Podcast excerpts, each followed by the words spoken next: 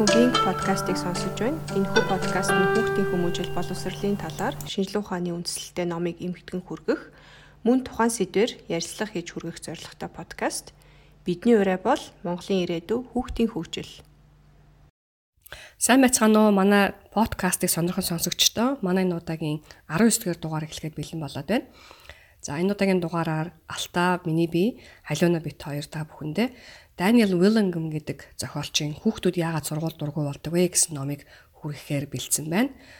За энэ ном нь багш сургууль хүмүүжүүлэгчд илүү түлхүү зориулагдсан ном боловч эцэг эхчүүд мэдүүл зохих зүйлийг бас агуулсан ном байсан.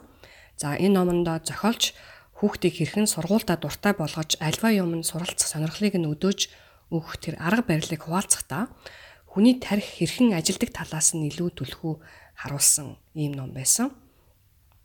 За ингээд нэгдүгээр бүлгийг би яриад явъя.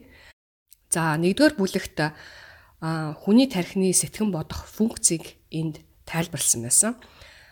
Үнийг ойлгож авснараа бид хүүхдүүдтэй ямар аргачлалаар яаж хичээлээ заавал илүү үр дүнтэй байхыг мэдэх боломжтой байгаа. За хүний тархин сэтгэн бодоход зориулагдсан тийм эргэтэн биш гэж энд бичсэн байсан надад их сонин бас бас хачин санагдсан л да. Яа тэгэхээр хүнийг амтнаас одоо ялгадаг гол зүйлүүдийн нэг бол тийм ээ бидний сэтгэн бодох чадвар альва зүйлийн учир шалтгааныг олж чаддаг байх тэр чадвар байгаа. За зохиолч хэлэхдээ энэ бол үнэн. А гэхдээ бид тэр болгон одоо тархиа ажилуулад байдаггүй гэнэлтэй. А тарих судлаачид өгнөхтэй хүн тархиа ажилуулахад э, хүч их шаарддаг учраас хүн байн одоо сэтгэн бодохоос одоо зайлсхийж байдаг гэн мөн хүн юм бодохдоо удаан бас харьцангуй үр ашиг муутай байдаг гэж бичсэн байсан. Хүний энэ тархины чадварыг компьютертэй харьцуулах юм бол те математик, шатар гэх мэтийн одоо сэтгэн бодох чадвар шаардсан энэ одоо таскийг компьютер бол хүнээс илүү одоо хурдан найдвартай хийж чадна. Хамгийн энгийн одоо тооны машинч хүнээс одоо хамаагүй те хамаагүй түргэн одоо зөв тооцоолол гүйцэтгэж чаддаг тийм ээ. За гэхдээ бид тарих гэхдээ бидний тарих хараан дээр үндэслэж мэдээл боловсруулах мөн одоо биеийн хөдөлгөөнд өндөр үүрэг гүйцэтгэдэг юм байна л да. Жишээ нь одог болтол тийм ээ өөрөө явдаг ачааны машин гэж одоо байхгүй байгаа тийм ээ. А яагаад гэвэл эргэн тойрондох өөрчлөгдөх орчныг одоо хүн шиг төвшөнд харж мэдэрч чадах тийм одоо робот арай хөгжиж одоо амжааг он тийм ээ а бас хүний биеийн нарийн хөдөлгөөнийг дуурайж хийж чадах тийм бас робот ч бас хийгдэж амжааг байна. А жишээ нь бол юм дээр тэ тэнцвэрээ олоод зогсох ч юм уу юмны цаагаар гараа оруулаад бид нэгэд юм гээч гэсэн үедээ тэ юмны цаагаар ингээ гараа оруулж авдаг ч юм уу тэ энэ одоо бидний юм нарийн биеийн хөдөлгөөний үйлдэлийг одоо өнөөдрийг хүртэл одоо роботоос яг ингэж хийж чадахгүй байгаа шүү дээ тийм ээ. Тэгэхээр бид юм бодохдоо тийм сайн биш юм болвол тийм ээ яаж одоо өдөр тутмынхаа ажлыг бид хийдэг юм бэ? Яаж дүгнэлт гаргалж сонголт хийдэг юм бэ?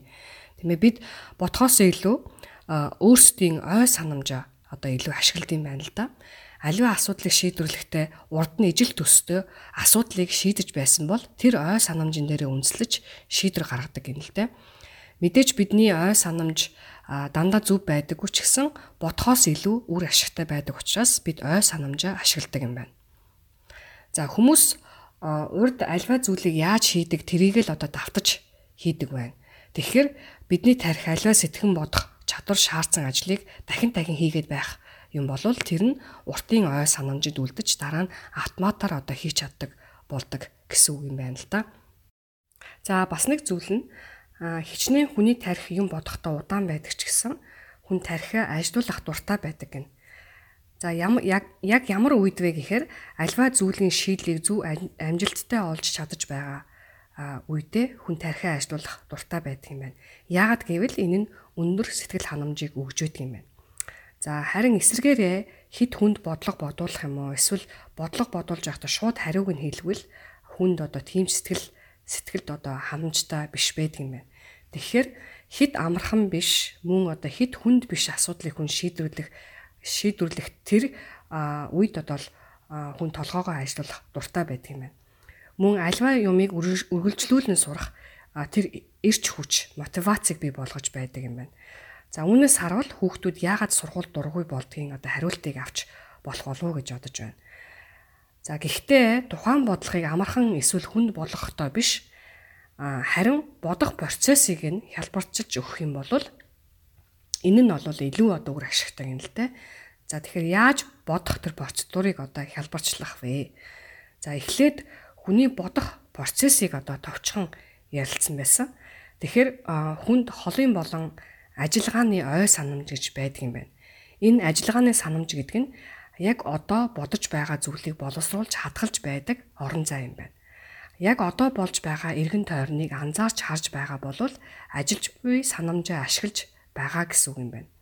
Харин холын санамж нь бидний хизээч мартдаггүй баримтуудыг хадгалж байдаг юм байна л да. За жишээ нь бол дэлхийн хідэн дагуултай вэ? Эсвэл Монголоос анх сансарт нисэн хүн хэн бэ? Хэн байсан бэ? Эдгээрийг бол бид нар бол өдөр тутам бодоод байдгүй ч гэсэн одоо бидний одоо урт хугацааны тэр одоо санамжид одоо хадгалагдсан байдаг тийм ээ. За тэгэхээр бидний тархи нь одоо эргэн тойрон дах байгаа мэдээллийг боловсруулах үйл ажиллагаанаас гадна холын ой санамжид байдаг бидний хизээч мартдаггүй одоо мэдээлэл баримтуудаас бүрдэж байдаг. Мөн альва зүйлийг гүйцэтгэхэд шаардлагадах үйл явц процедурыг дэс дарааллыг бас уртын ой санамжид хадгалж байдаг юм байна. За тэгэхээр хүүхэд бүрийн холын санамжид шаардлагатай мэдээлэл баримтууд одоо хадгалагдсан байдаггүй гэнэ л дээ. Одоо альва одоо хичээл зааж явах үедүүд үед бол зарим хүүхдүүдийн одоо юу гэдгийг мэдлэгийн сан бол бусдаас арай илүү байдаг ч юм уу. Зарим хүүхдийнх нь арай одоо бага байдаг тийм ээ. Тийм учраас аливаа хичээл заахтаа шаардлагатай суур мэдлэг баримтуудыг эхлээд бол заасан байх чухал байдаг. За ажиллагааны ой санамжид хит их мэдээлэл орж ирэхэд хүний бодох чадамжийг бууруулж байдаг юм байна. Тэгэхээр хүүхдийн ажиллаж буй ой санамжийн хит ачааллыг багасгахын тулд зааж байгаа хурдаа багасгах. За багш багш хүн бол тийм ээ зааж байгаа хурдаа багасгах.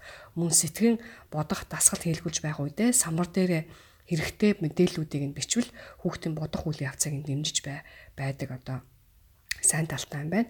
За мөн хичээлийг аль болох хүүхэд сурагчид ямар нэгэн байдлаар хамааруулж заах нь сонирхолтой байдаг гинэ.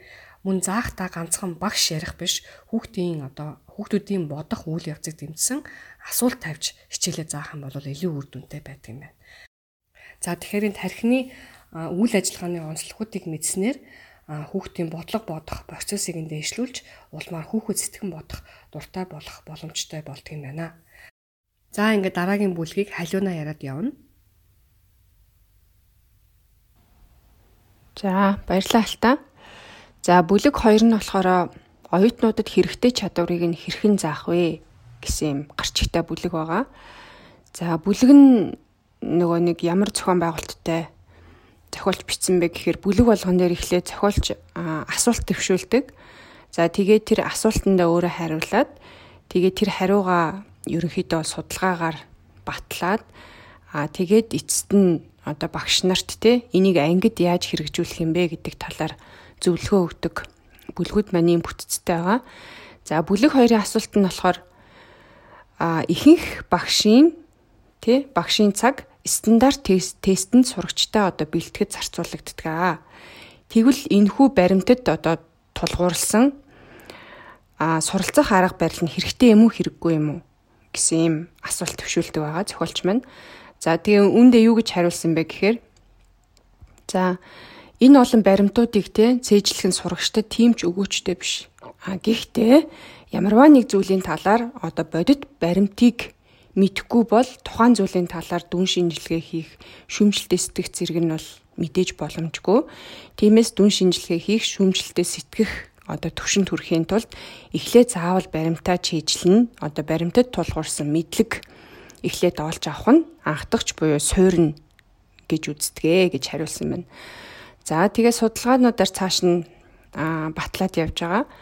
За яагаад тэгэхээр бодод сэтгэх гэдэг нь болохоор өөрт байгаа түрүүн одоо Алтагийн тайлбарсан тий урт хугацааны ой санамжид одоо бичигдсэн мэдээллийг хооронд нь нэгтгэж тэндээсээ одоо дүгнэлт гарах процессыг хийлдэг юм байна л та бодож сэтгэх гэдэг нь а тэгэхээр хүн бодож сэтгэхийн тулд эхлээд баримтат мэдээллийг мэдэж аваад а тэрийг урт хугацааны ой санамжинда эхлээд хадгалчихсан байх хэрэгтэй гэсэн үг. За тэгэхээр яалтчгүй одоо энэ баримтат мэдлэг буюу одоо factual knowledge гэж энэ дээр хэлээд яваад байгаа юм л да. Энэ factual knowledge гэдэг бол эхлээ заавал сурах ёстой зүйл байх нэ гэж зохиолч маань тайлбарсан байгаа. За мэдлэг гэдэг бол уншаад ойлгоход хамгийн чухал байдаг гинэ. Хүн ямар нэгэн зүйлийн талаар одоо мэдлэгтэй ойлголттой байх юм бол одоо тэр зүйлийнхаа талаар сонсох ч юм уу эсвэл уншихаараа илүү сайн ойлгодог гэсэн үг юм байна л да. А тэгээд 3 дугаар анги дуустал хүүхдүүд те үсэг аваагаа зөв дуудаж уншихад ерөөхдөө чиглэгдсэн. За уншлагын тест болохоор зүгээр тэр одоо зөв уншиж гин үгүй юу те энэ хоёр үсгийг нийлүүлэхээр яаж уншдаг ингэ тэр тэрийг ингэ шалгахад а зордсон байна л да. За дөрөвдүгээр ангид ороод ирэхээр хүүхэд уншсан зүйлээ ойлгож уншиж эхэлдэг. За Тэгээд тэр хүүхдийг шалгаж байгаа тестүүд нь болохоор уншсан зүйлээ ойлгож гинүү үгүй юу гэдгийг нь одоо шалгаж эхэлт юм байна. Тэгэхээр эндээс одоо дөрөвдүгээр ангиас хүүхдүүдийн ялгаа үүсч эхэлдэг гин л те.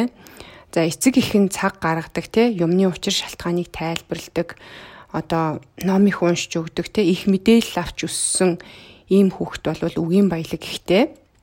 За тэгээд тэр хүүхдүүд уншаад ойлгох чадвар нь илүү болж эхэлдэг. Аа тэгэхээр ер нь бол хүүхдтэй багаас нь одоо нөгөө японочдын зурагт ном энэ төр маш их нөгөө тайлбарлаж өгөөл хамт уншаад идэг тэр бас их учиртай байна л да. Эхлээд хүүхдүүдтэй мэдээллийг аягүй сайн өгөөд одоо бүх юмны учир шалтгааныг тайлбарлаж багт нь өгөөд те. Заавал одоо ингээл ном уншуулах гал яагаад ахалбгүй ер нь 3 дугаар анги төгсдөл нь маш их мэдээллийг хүүхдэд өгөх хэрэгтэй. Аа тэгээд 4 дугаар ангиас хойш хүүхэд өөрөө тэрийг уншаад ойлгодог болдог учраас номын амтанд орно те тэр мэдээлэл дээрээ одоо тэр авсан мэдлэг дээрээ тулгуурлаад илүү одоо бодож сэтгэж те шүмжлэлтэй хандаж сэтгэж ингэж эхэлдэг байх нь л те за тэгээд мөн одоо баримтат мэдлэг нь хүний ой санамжийг сайжруулдаг юм байна. Жишээ нь одоо тухайн сэдвийн талаар те баримтат мэдлэгтэй хүн ямар нэг зүйлийг уншлаа гэхэд мартах магадлал нь одоо тэр талаар юу ч те мэддгүү хүн тэрийг уншснаас илүү удаан тогтоогддог юм л те. А жишээ нь одоо би саксны фэн байлаа гэхэд те саксны талаар уншихдаа би маш сонирхож уншина. А тэгээд уншснаа мартах магадлал нь бас багасд юм байна. А гэтэл нөгөө тал саксны ямар ч мэдлэггүй хүн те тэр одоо өгүүлхийг уншлаа гэхэд мэдээж ямар сонирхол төрөхгүй байхдаа ойлгохгүй уйтгартай санагдана. А тэгээд дараа нь буцаага тэр талаар асуухад бол баг хинхэн мартчихсан байж идэг юм байна. За тэгээд мөн одоо за энэ баримтат те мэдлэг мэдээллийг хаанаас илүү одоо түлхүү олж авд юм бэ гэхээр а шин үгийн баялаг одоо шин санааг хүн болвол ном сэтгүүл сонингоос олж олж авдаг юм. А зурагт видео тоглоом сошиал медиа гэх зүйлээс баг хүн сурдгүй юм байна л да.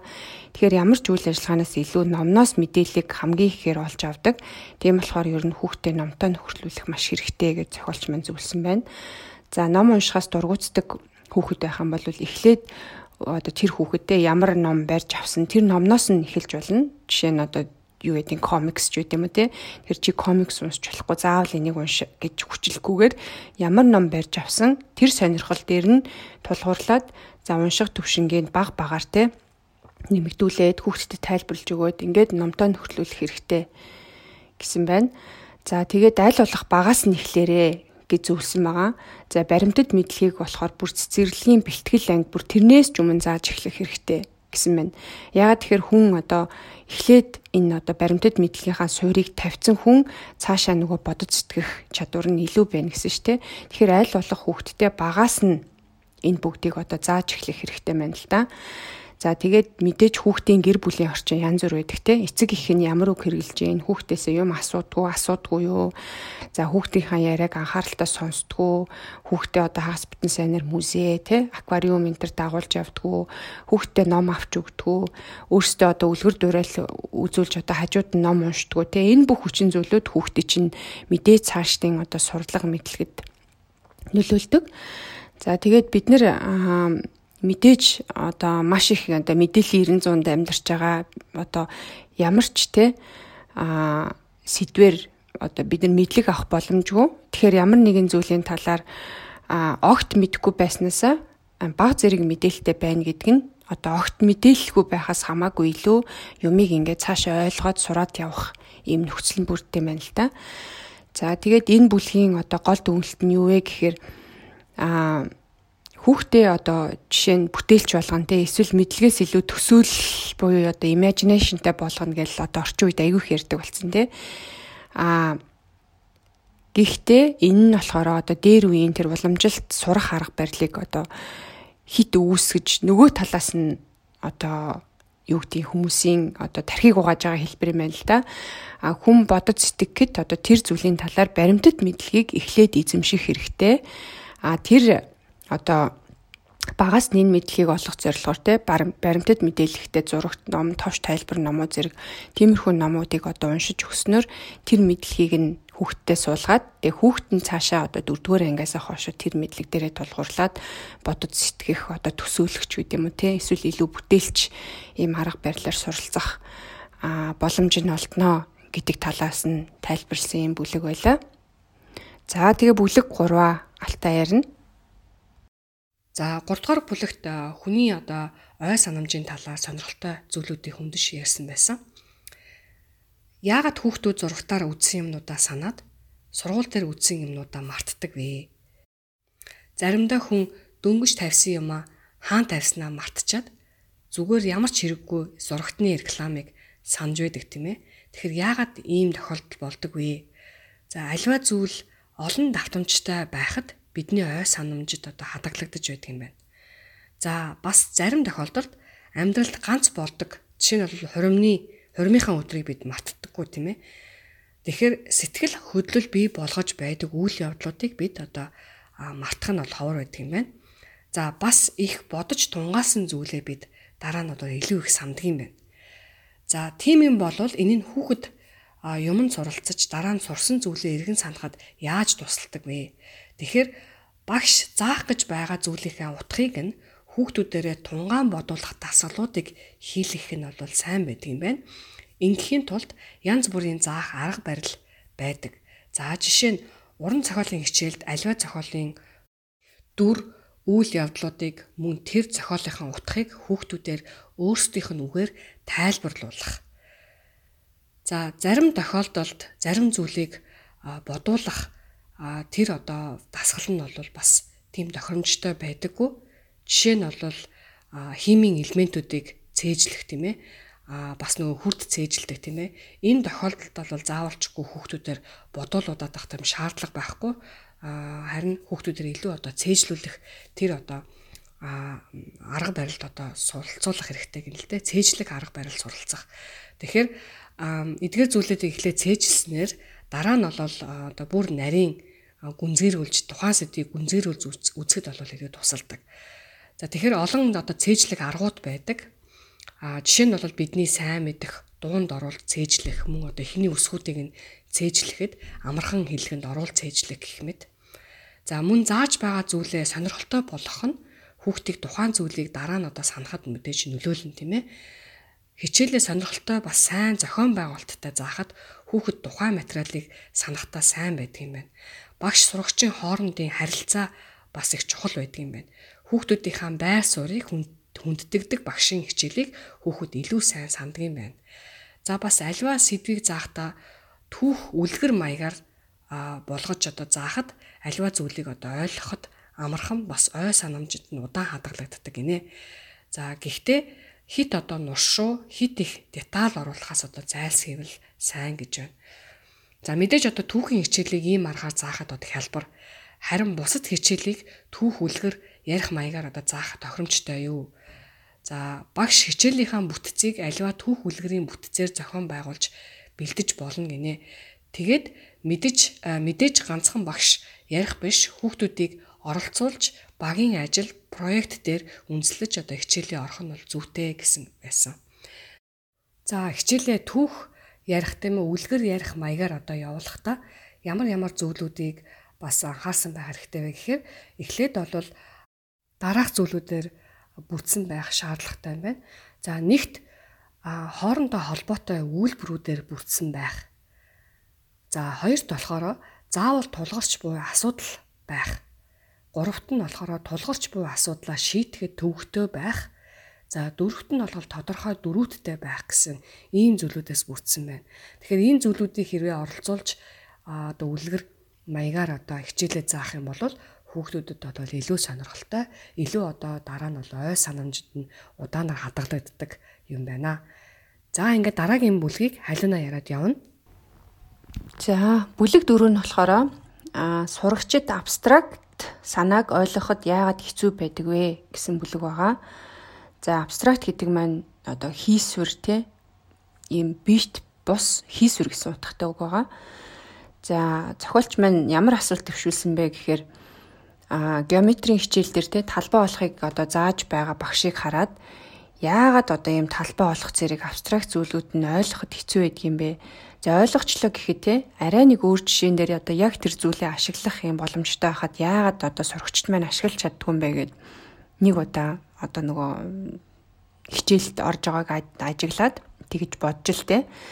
Тэгээд одоо жишээ нь те дэвтэр дээрээ багшийнхаа заасан тэгш үнцгтийн талбайг олж чаддаг гэрнээсээ за одоо гараад хөл өмгийн талбайн талбайг олоороо гэхээр нөгөө тэрийг яг яаж те ашиглахаа ерөөсөө мэддэггүй байх жишээ нэ.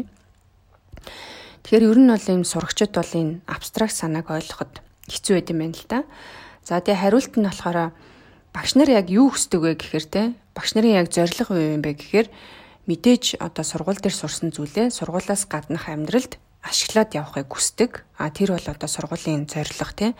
А гэвч хүний оюун санаа яаж ажилтдаг вэ гэхээр ийм хийсвэр биш бодит бит зүйлд илүү туртай байд юм байна л та. Жишээ нь одоо физикийн хүч а юутай тэнцвэ вэ гэхээр жин үрч одоо үрчгэн хурцгагч гэсэн одоо ийм юу байдаг томьёо байдаг. А энэ бол жишээ нь хийсвэр зүйлтэй нүдэнд харагдахгүй, гарт баригдахгүй. А гэтэл одоо самбар дээр энийг ингээд тайлбарлаад бичгээр хүүхдүүд ойлгодгоо те. Тэгэхээр энийг ойлгуулахын тулд илүү ийм одоо бит зүйл дээр жишээ авч тайлбарлангууд хүүхдүүд илүү ойлгох юм байна л да. Тэгэхээр одоо угаасаа хүний оюун ухаан тий ийм абстракт зүйлд дасаагүй энийг ойлгодгүй учраас багш нар хичээлээ бол илүү ийм бодит бие зүйлээр тайлбарлаад илүү одоо юу гэдгийг хүний тархинд ойлгуулах байдлаар хичээлээ заах ёстой гэсэн ийм дүгнэлтийг зохиолч маань хийсэн байгаа. За бид шинэ юмыг ойлгохдоо тий өөрийнхөө мэддэг зүйл дээрээ тулгуурлаж ойлгодог. А гэтэл бидний мэддэг зүйлүүд нь ихэвчлэн биш тийм үү одоо бодит зүйл байдаг.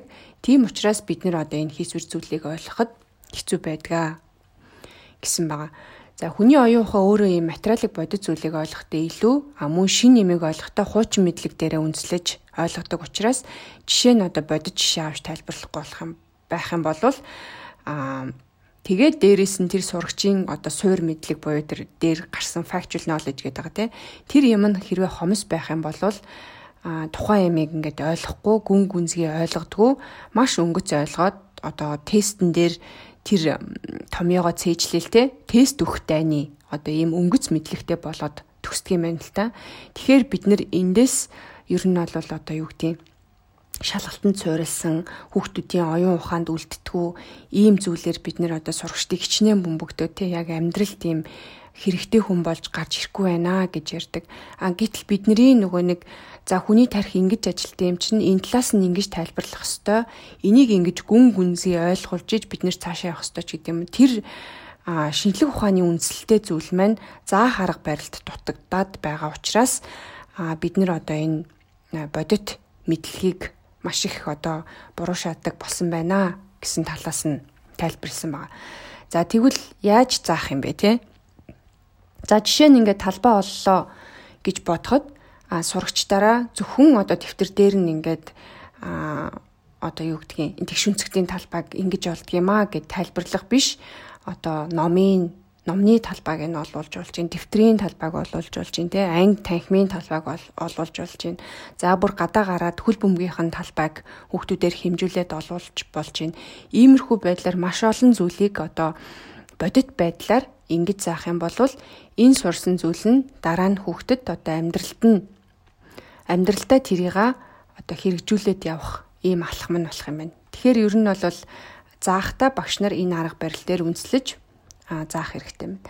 За мөн ямарваа нэг зүйлийг одоо хийж үтсэн буюу а тэр нь туршлага болох юм бол мэдээж тэрийг гүнзгий ойлгоход тусалдаг тийм нөгөө нэг сонсоод сонсоод өнгөрөхөөр 5%-ийн тогтоодог юу лээ харахаар хэдэн хувьч үлээ. Тэгээ яг өөрөө биетээр хийгээд үзэхээр а хэдэн хувийн тэгээд бүр ингээ хүүхдүүд заагаад багшлах юм бол баг 90 хэдэн хувийг тогтоодог гэдэг нэг тийм юу байдаг шүү дээ.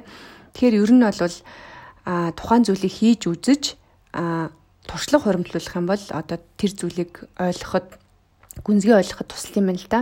За энэ туршлагыг олгоё гэж бодох юм бол маш олон төрлийн асуултуудыг сурагчтай тавьж болно гэдгсэн байна. А бас нэг өөр нэг стратеги нь болохоор одоо өөр өөр жишээнүүдийг хооронд нь харьцуулж харьцуулуулж болно те. Жишээ нь за уран зохиолын хичээл дээр гэхэд гурван өөр зохиол уншаад одоо энэ ижил төстэй тал нь юу байсан бэ гэдэг юм уу те. Ондоо тал нь юу байсан бэ гэдэг юм ингээд юмыг харьцуулуулаад одоо юм дүн шинжилгээ хийх маягаар те ингээд уншуулах юм бол зүгээр нэг юмыг өнгөц уншаад асуултанд хариулаад өнгөрөх биш одоо гүнзгий бодох дүн шинжилгээ хийх ийм арга барилд хүүхд суралцдаг юм байна. За тэгээ гэрийн даалгавар төсөл одоо тест те квиз зэрэг нь болохоор сурагчдынхаа өнгөц мэдлэгийг биш одоо гүнзгий мэдлэгийг шалгадаг байх юм бол илүү үр дүнтэй гэдэг юм. За энэ байдлаар юмыг одоо яаж гүнзгий улсууртай бодоход нь байнга сургаж те а одоо юм хийсвэр санаануудыг хэрхэн амьдрал дээр ашиглах те талаар нь хүүхдүүдэд одоо байнга сургаснараа сурагчид энэ бэрхшээлийг даван туулахад нь тус болж чадах юм байна л да. За тэгээд дөрөвдүгээр бүлэг маань ийм бүлэг байгаа. За таван алтаа ярина. За 5 дугаар бүлэгт хүүхдийг их суулгаж давтлах хэлгүүлэх нь зөв буруу юу энэ тал дээр илүү ярилцсан байсан. За мэдээч хэрэг давтлага болоо ямар ч юмыг сайн сурч бас илүү сайжирч өсөж дэвшгэд шаардлагатай тийм ээ. Юмыг давтснаар дараа нь илүү нарийн чадвар суугад шаардлагатай суур чадварыг олж авдаг. Бас мартахаа сэргийлдэг. Альва зүйлийг танин мэдхэд ажлын ой санамжид хэр их багтаамж байгаагаас шалтгаалдаг гэж одоо төрөний бүлгүүдэд ярьсан байгаа тийм ээ. Ажлын ой санамжийн багтаамж их байх тусам юмыг сайн бодоход тусалдаг. Тэгэхээр Энэ ажлын ой санамжийн багтаамжийг томруулах аргачлал байдаггүй боловч зай гаргаж өгөх нэг аргач нь бол давтлага юм байна. За жишээ нь хүүхэд анх гутлаа үдэж сурахад бүх анхаарлаа хандуулж ажлын ой санамжаа бүрэн одоо хүчин чадлаар нь ажилуулдаг тийм ээ. Тэгээд томортлоо олон удаа давцсны ачаар тархиа ажилуулах шаардлагагүйгээр автоматар гутлаа үддэг болдог. Тэгээд гутлаа үдэж явахдаа хүнтэй ярьдаг ч юм уу, тоо боддог ч юм уу ингээд хажуугаар юм одоо бас бодох а тийм орон зайтай болдог. За ингэж давтаж хийснээр а тархинд өөр юм бодож боловсруулах зай гаргаж өгч байгаа тийм ээ. За ажлын ой санамж зай гаргаж өгөх өөр нэг арга нь болохоор юмыг цээжлэхдээ нэг жангуудыг ангилж нэг бүлэгт оруулах юм байна л да. За жишээ нь болохоор санамж гэдэг үгийн өсгүүдийг нэг нэгээр нь авч үзхийн оронд санамж гэж үгээр нь бодож цээжлэх. Аа за ингээд хүүхдийг одоо их суулгаж давтуулахад хүүхдийн зүгээс их чармаалт хүсэл эрмэлзэл шаарддаг. А хит хүүхдийг одоо шахах юм бол хүүхдийн хүсэл эрмэлзэл нь буурдаг муу тал бас байгаа тийм ээ. Тийм болохоор одоо энэс сэргийлж багш эцэг эхчүүд хүүхдийнхаа давтлагыг хийлгэхдээ хооронд нь тодорхой хэмжээний зайтай хийлгүүлэх мөн өөр юмтай ээлжилж давтлага хийлгүүлэх хүүхдэд илүү одоо урам зориг өгөхөд тусалдаг юм байна л да. За ингээд энэ бүлгийн товч санаа нь ийм байлаа. За дараагийн бүлгийг халиуна яриад явна. За баярлалаа Алта. За бүлэг 6 нь болохоор сурагчтай яг жинхэнэ одоо шинжилгээ ухаанчиг математикч шиг те түүхч шиг яаж сэтгэдэг болох вэ гэсэн юм бүлэг байгаа. За бүлгийн асуулт маань болохоор багш нар боловсролын одоо бодлого тодорхойлогч нартай сурагчдыг яг шинжлэх ухаанч нар шиг түүхч нар шиг бодож сэтгэдэг болохгүй байна. За баримт цээжлэлтэй тэр нь үнэн байна уу зөв байна уу гэж аль хэдийн нөгөө нэг хүмүүсийн баталсан ямиг а дахиж хүүхдүүдээр те батлуулаад тэрийн шалгаал тэгэл өнгөрч чинь. За сурагчдыг яг эрдэмтэд шиг түүхч одоо түүхчид шиг те математикч шиг сэтгэдэгт болохын тулд яах ёстой гэсэн юм асуулт байгаа. За хариулт маань зохиолч маань а Ер нь бол яг сурагчдын те одоо сурч байгаа хитрхи их баримт цээжлээд байна. За хүмүүсийн аль хэдийнэ баталчихсан зүйлийг давтаж одоо баттдаг сурах ухаалшаал дими гэсэн ийм одоогийн боловсролын хөтөлбөрийг буруушаадаг ийм хүмүүс байдаг. А гэхдээ энийг бол зохиолч маань буруу гэж бодд юм байна л да. Яагаад гэх юм бол хүнд одоо хөгжлийн шат гэж байдаг те. А ерөнхий боловсролын сургууль, ерөнхий боловсрол гэдэг бол одоо тэр ихний шатыг тавих газар болохоос биш бүр яг тэгж эрдэмтэд чиг одоо аливаа нэг зүйлийг лавшруулж судлаад тийм нээлт хийх газар бишээ гэж зохиолч маань үзээд а тэрийг ч гэсэн одоо багш нар болон те эцэг эхчүүд ерөөсө хүлээн зөвшөөрөх ёстой гэсэн ийм одоо хариултыг өгсөн байна. За сурагчдыг бол мэдээж те эрдэмтэд шиг одоо тэр математикч шиг түүх шиг юм болгож болно. А сурагч одоо танин мэд төсдөггүй хувьд бол ийм байх бүрэн боломжтой. А гэхдээ энд бол мэдээж хугацаа орно. А ягаад тэгэхээр эрдэмтэн гэдэг бол одоо яг нэг зүйлээрээ мэрэгчсэн те тэр зүйлийнхаа талаар одоо 7 хоногт ор хаяж 40 цагийг зарцуулдаг. А тэгээд бүр хэдэн жилийн турш тэр зүйлээ хийцэн нөгөө нэг 10 мянган цаг гэж үүдэг те. Тэгэхээр 10 мянгаыг ингээ хуваагаад үзэхээр яг 5 жил 5-аас 6 жил одоо 7 хоногт 40 цаг зарцуулаад тасралтгүй те тэр зүйлээ хийцэн хүмүүсийг одоо бид нэр мэрэгсэн буюу мэрэгчлэлтэн гэж хэлдэг. А гэтэл 10 жилийн одоо сурагчд маань те одоо юу ч мэддгүй байснаас эхлээд уншиж сурна те. Тэгээд одоо маш олон төрлийн хичээлүүдийг бас ингээд судлан тийм болохоор цагны хувьд бол боломжгүй а яг нэг зүйлээ ингээд тухайн сурагч маань давтаад явах юм бол яг эрдэмтэн шиг болох боломжтой гэсэн ийм одоо хариултыг өгсөн байгаа юм л да. За тэгээд яг эрдэмтэд чиг ингэж одоо болгох хэрэгтэй мүү хэрэггүй мүү гэдгийг эхлээд бид нэр бодох хэрэгтэй байх нь тий. А зохиолч маань болохоор эрдэмтэд чиг болгох албагүй. Тийм учраас одоо зүгээр ерөнхий боловсролын сургууль гэдэг бол ерөнхий боловсролын л өгөөд орхих гэсэн талаас нь одоо хэлж байгаа юм л да. За тэгээ ер нь бол яг эрдэмтэд буюу мэрэгсэн одоо эксперт гэдэг байгаа тийм хүмүүс гэдэг бол хоёр зүйлийг эзэмшчихсэн хүнийг хэлдэм байл та. Нэгдүгээрт нь болохоор мэдлэгтэй байдаг, а хоёрдугаарт нь болохоор тэр зүйлээ маш олон цаг зарцуулаад давтсан байдаг. За мэрэгсэн хүн гэдэг бол энэ хоёрыг хоёуланг нь эзэмшчихсэн. Тэгээд дээрэс нь одоо арвин туршлагатай болцсон байдаг учраас а одоо юмыг илүү үр дүнтэй боддог, илүү үр дүнтэй ажилдаг юм байна л та. За мэдлэгтэй байх гэдэг нь болохоор юмны одоо өнгөц шинж чанар биш. Төрөний бүлэг дээр ярьсан те цаад гүнзгий утга учрыг ойлгочихсон хүнийг хэлдэг. За тэгээд тэр мэдлэг дээрээ тулгуурлаар тэр зүйлээ маш олон цаг давтжиж гартаа оруулах буюу хүмэрэгшдэг. За энэ дээр бас нөгөө нэг 100000 цаг гэсэн ойлголтыг чухал чухалчилдаг. Жишээ нь одоо төгөлдөр хурд дардаг хүмүүсээр жишээ авсан байна л да.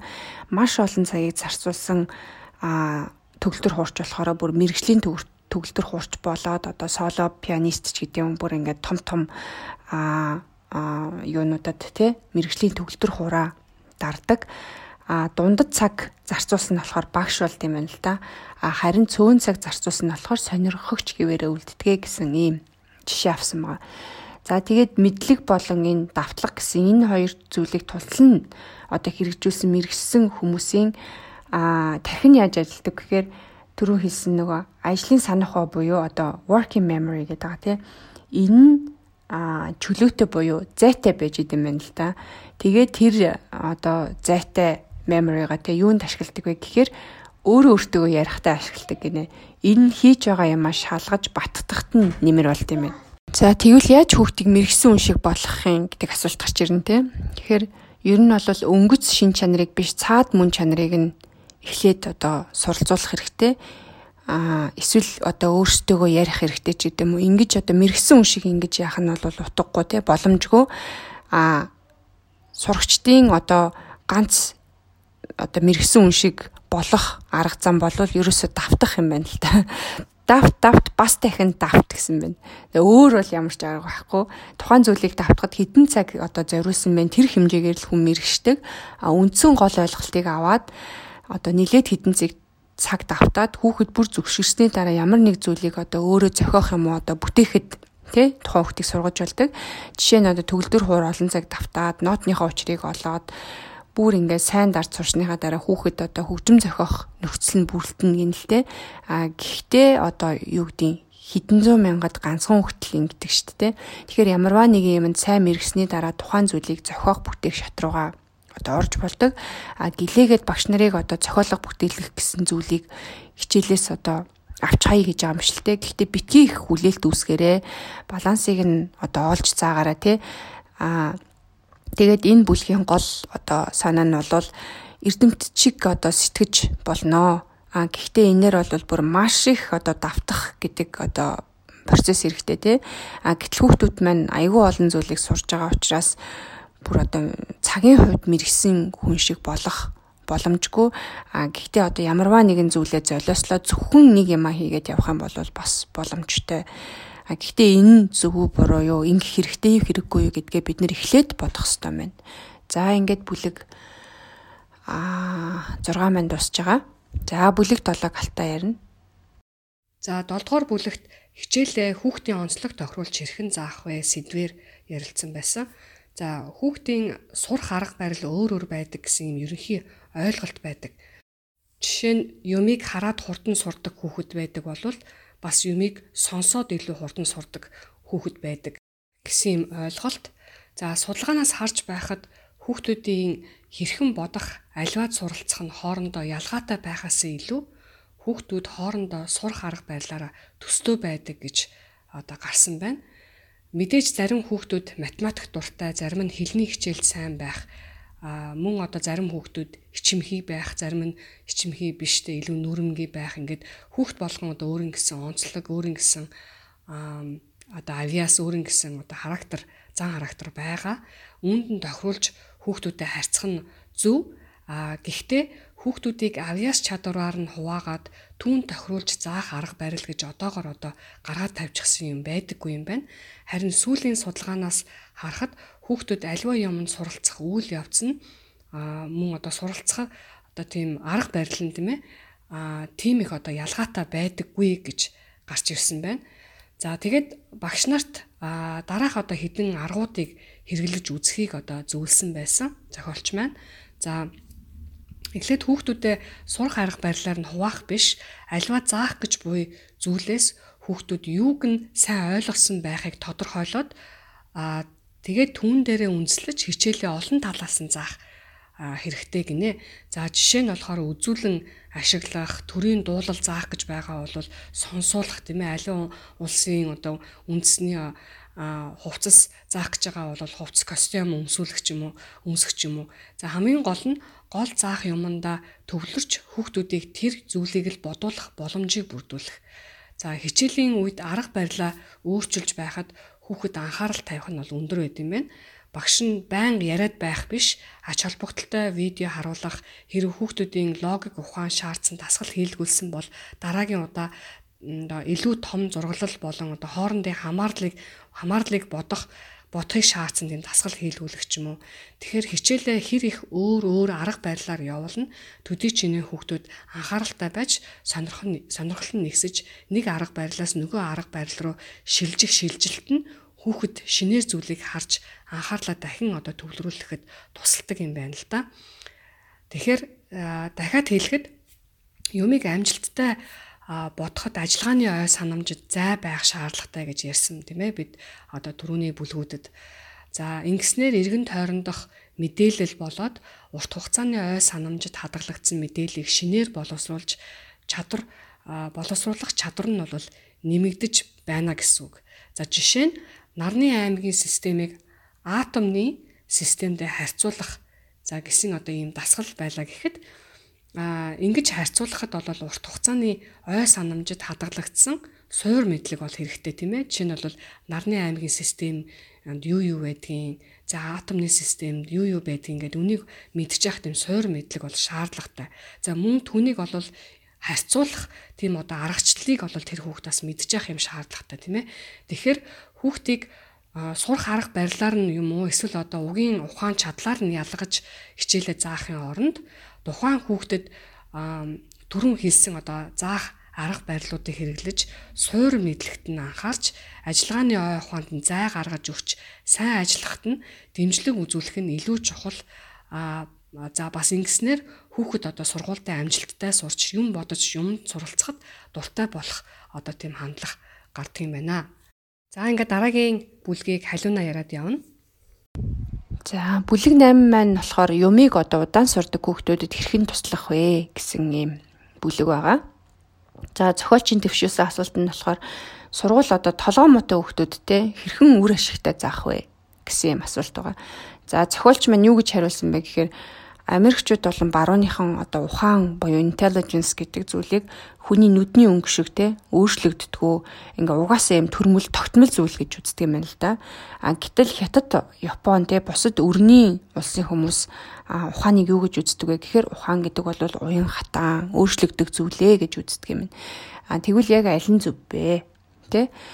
А мэдээж хүүхэд ухааны хувьд одоо төрөлхөөсөө өөр өөр гэж болно. А гэхдээ хүүхэд хичээх юм бол энэ ухааныг өөрчилж болтгоо гэж зохиолч маань одоо хариулсан байна. За а яагаад одоо хүмүүс ингэж боддог болсон юм бэ гэхээр нэг судалгаа нөлөөсөн юм байна л да. 20 жилийн өмнөх одоо судалгаагаар те ухаан илүү одоо 20 жилийн өмнө болохоор хүмүүстэй ухааныг илүү гентэй холбоотой гэж үздэг байсан юм. А гэтэл 20 жилийн өмнө Джеймс одоо Флин гэдэг хүн нэг судалгаа хийж л те. Тэгээд энэ үзлийг бол өгөөсгсөн байна. Энээр болохоор ямар судалгаа вэ гэхээр 1930-аас 80 оны хооронд те а нилээ олсон олон ингээд улсуудыг авч үзээд а тухайн улсын хувьд IQ нь тэ а хідэн түвшингөөр нэмэгдсэн бэ гэсэн юм судалгаа хийсэн юм байна.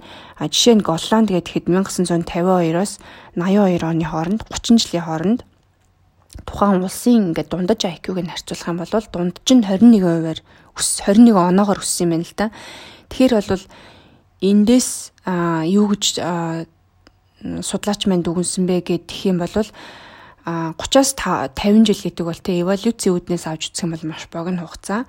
Хэрвээ ухаан нь удамшдаг байсан бол богино хугацаанд ингэж хурдан өсөхгүй юм байна л да. А тэгээд энэ удамшгаасаа илүү үүндтэй хүрээлэн буй орчин нөлөөлөл илүү чухал юм байна гэдэг юм дүнэлтэнд хүрсэн юм байна.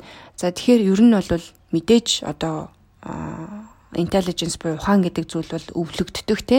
Гэтэл хичээл зүтгэлээр бид нар бол тэрийг өөрчилж болтгоо гэсэн ийм санааг төвшүүлж байгаа.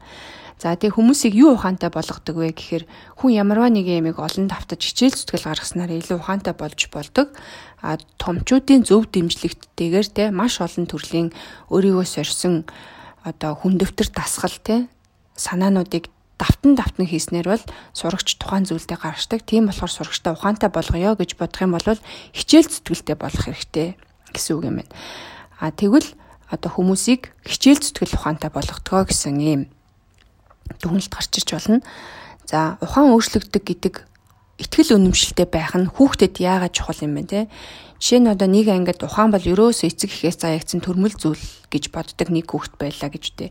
Харин өөр нэг хүүхэд болохоор за энэ төрсөн те эцэг их мань ухаангүй байж болно. Гэтэл хичээл зүтгэлээр энийг бий олж авч болтгоо гэж боддог нэг өөр хүүхэд байлаа гэж. Тэгэх юм бол одоо хэцүү зүйл тохиодлоо гэхэд эхний хүүхэд нь за зэтэртэй тэргүү одоо энд миний ухаан хөрөхгүй юм чинь гэд бууж өгөх магадлал нь өндөр. Аа эсвэл нөгөө талдаа эсэргээрээ өөрийгөө одоо хичээх юм бол те би ухаантай болж болно гэж боддог хүүхэд байлаа гэх юм бол урт хугацаанд илүү тийм өөрийгөө сорьсон зүйлийг барьж аваад хийхдээ сайн болдог. Одоо тэр юмыг өөрчлөгдөг гэж боддог хүүхэд маань илүү одоо том болоо те сониуч болох хандлагатай байд юм. Тэгэхээр бол ухаан өөрчлөгдөг гэдэг итгэл үнэмшлийг хүүхдүүдэд суулгах нь чухлаа гэсэн байгаа. За тэгвэл яаж энэ ухаан өөрчлөгдөг гэдэг бодлыг суулгах юм бэ те? Аа бид нар ч гэсэн энэ дээр нөгөө нэг урд нь бас айгүй олон номнууд дээр гарч исэн чадвараас илүү те хүчээр зүтгэлийг нь магтаа. Хүүхдээ одоо чи ямар ухаантай юм те? Чи хамгийн өндөр оноо авчлаа штэ гэл нөө шалгалтаас гарч ирэнгүүт нь тэгж магтдаг. Энэ бол буруу. А хичээл зүтгэл чамаг те ийм амжилтанд хөтлөж байна гэж магтах юм бол хүүхдэд маань аа за хичээх юм бол би өөрчлөгдөж тулд юм болдгийм байна гэсэн ийм бодлыг суулгаж идэм байна. Гэхдээ энэ дээр бас нөгөө хамаагүй хитрхи худлаа магтаж болохгүй гин л те. Ямар ч одоо хичээл зүтгэл гарааг багтан те. Өө чи ямар их хичээвэ? Чи өстө хичээсний хүчинд ийм боллоо штэ ч гэдэм үү. Ингээ магтаад эхлэх юм бол магтаал маань бас үн сэнэгүй болох магадaltaй тийм ээ. За тэгээ энэ дээр бас нөгөө нэг хүн одоо алдаанаасаа суралцдаг гэдгийг бас энэ зохиолч мөн давтаж хэлсэн байгаа. За хүн алдаж болно, хүн алдаж суралцдаг гэдгийг бас ойлгох хэрэгтэй тий а хэрвээ ухаанаа нэмэгдүүлэх гэх юм бол одоо өөрийгөө сорьсон баг зэрэг юм хүнд зүйлүүдийг хийх хэрэгтэй. Одоо алтгаасаа айгаад те тэр хүнд зүйлийг хийхгүй ингээд байгаад иж болохгүй. За Майкл Жордны бас энэ хэлсэн үгийг энэ дэр жишээ авсан байна л та. За би карьерийнхаа туршдаа 9000-аас илүү шидэлтийг алдсан. 300 гаруй тоглолтод хожигдсон. Хожилтын голыг би 26 удаа алдчихсан. Тэгээ миний амьдрал бол ерөөсөө алдаа алдаа дахин алдаагаар юм дүүрэн амьдрал. Тийм учраас би амжилтанд хүрсэн юм аа гэж Майкл Жордан хэлсэн байна. Тэгэхээр энэ үгийг бас хүүхдүүдтэй хэлж яах юм бол одоо Майкл Жордангоо жишээ аваад хэлэх юм бол бас их зүгээр санагдсан. За За тэгээ бүлгийн маань одоо гол зорилго болохоор юмыг бусдаас арай удаан ойлгодог те ийм удаан сурдаг хүүхдүүд яаж туслах вэ гэсэн юм бүлэг баг ш те. Тэгэхээр энэ хүүхдүүд болохоор юмыг удаан ойлгодог, удаан сурдаг хүүхдүүд бол одоо зүгээр мангар хүүхд бол бишээ те. Зүгээр л потенциалын хувьд арай илүү өөр а чи илүү одоо нөгөө хүүхдүүдэд бодох юм бол илүү их чих хэрэгтэй гэдгийг нөгөө хүүхдүүдэд ойлгуулах хэрэгтэй юм байна. За тэгэхээр ухаан бол өөрчлөгднө гэдгийг сурагчтай ойлгуулах хэрэгтэй те.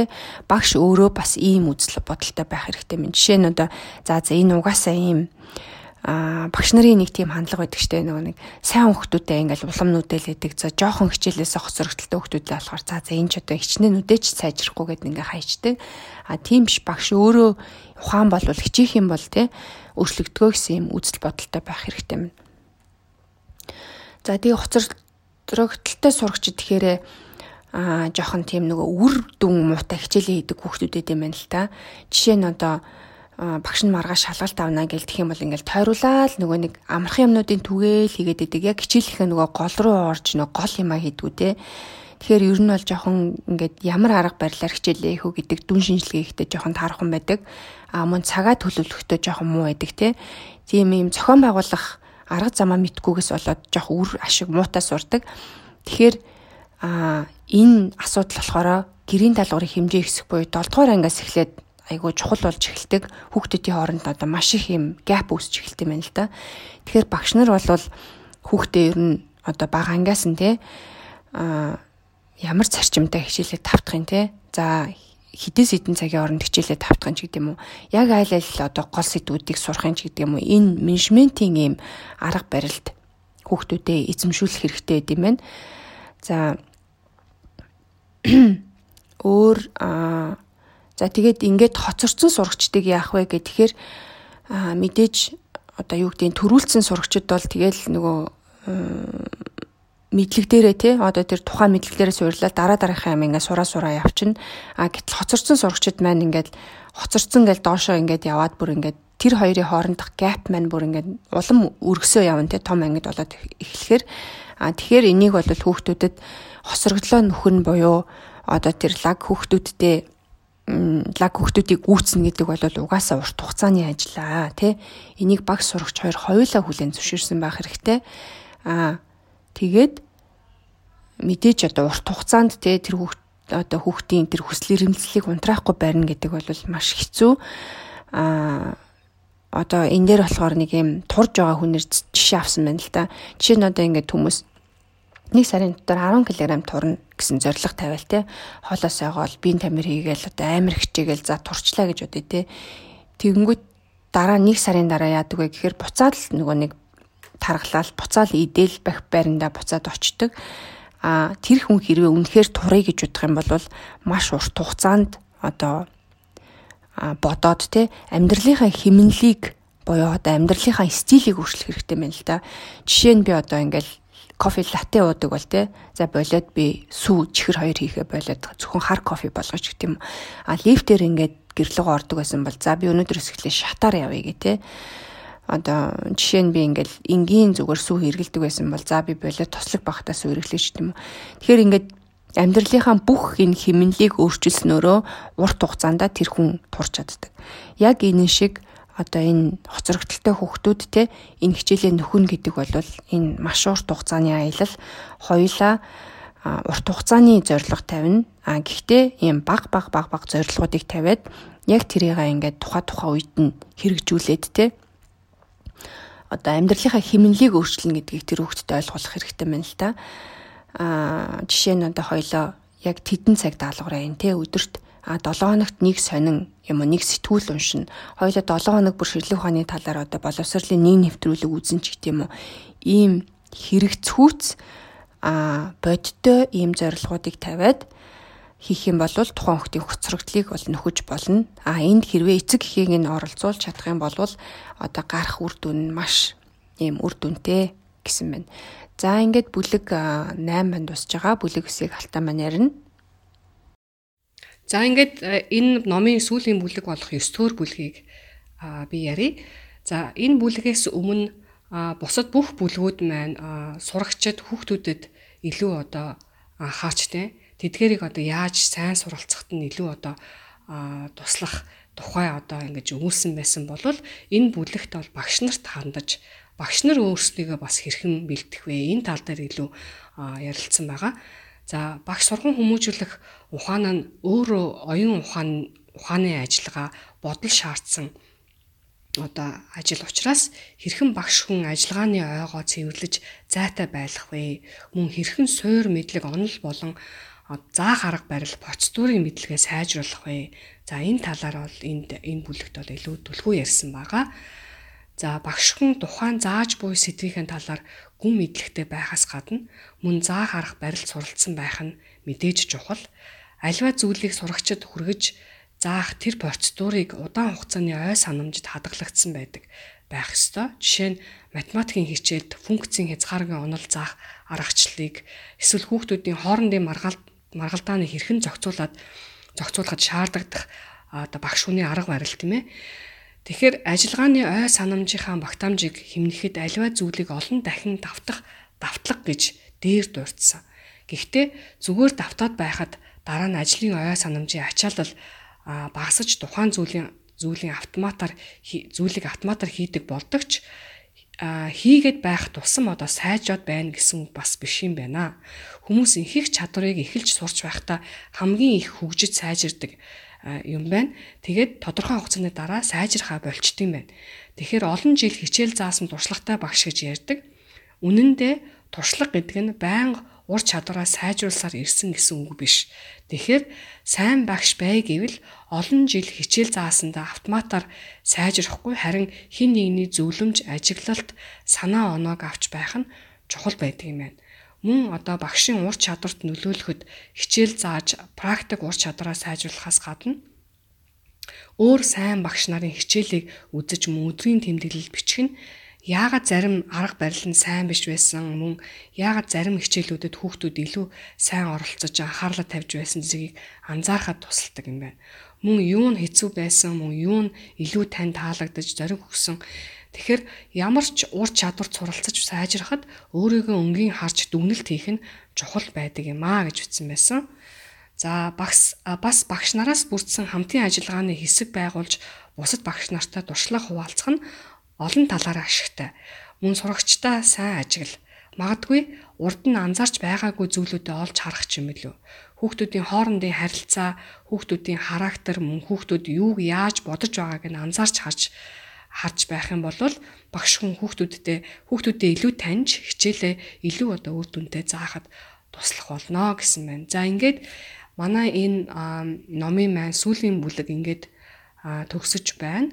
За ерөнхийдөө миний хувьд өөрийнхөө дүгнэлтийг хэлэх юм бол за энэ ном бол мэдээж хэрэг илүү одоо багш нарт зориулсан тийм ээ ном байсан боловч за миний хувьд одоо ээж хүний хувьд тийм ээ а бас хүүхдүүдтэй би бас аливаа зүйлийг заахтаа за одоогийн байдлаар бол би өөрийнхөө том хүүхдэд монгол хэлийг зааж байгаа. Бид нар гадаадад амьдардаг учраас а би өөрөө одоо энэ хүүхдэдээ монгол хэлийг зааж байгаа.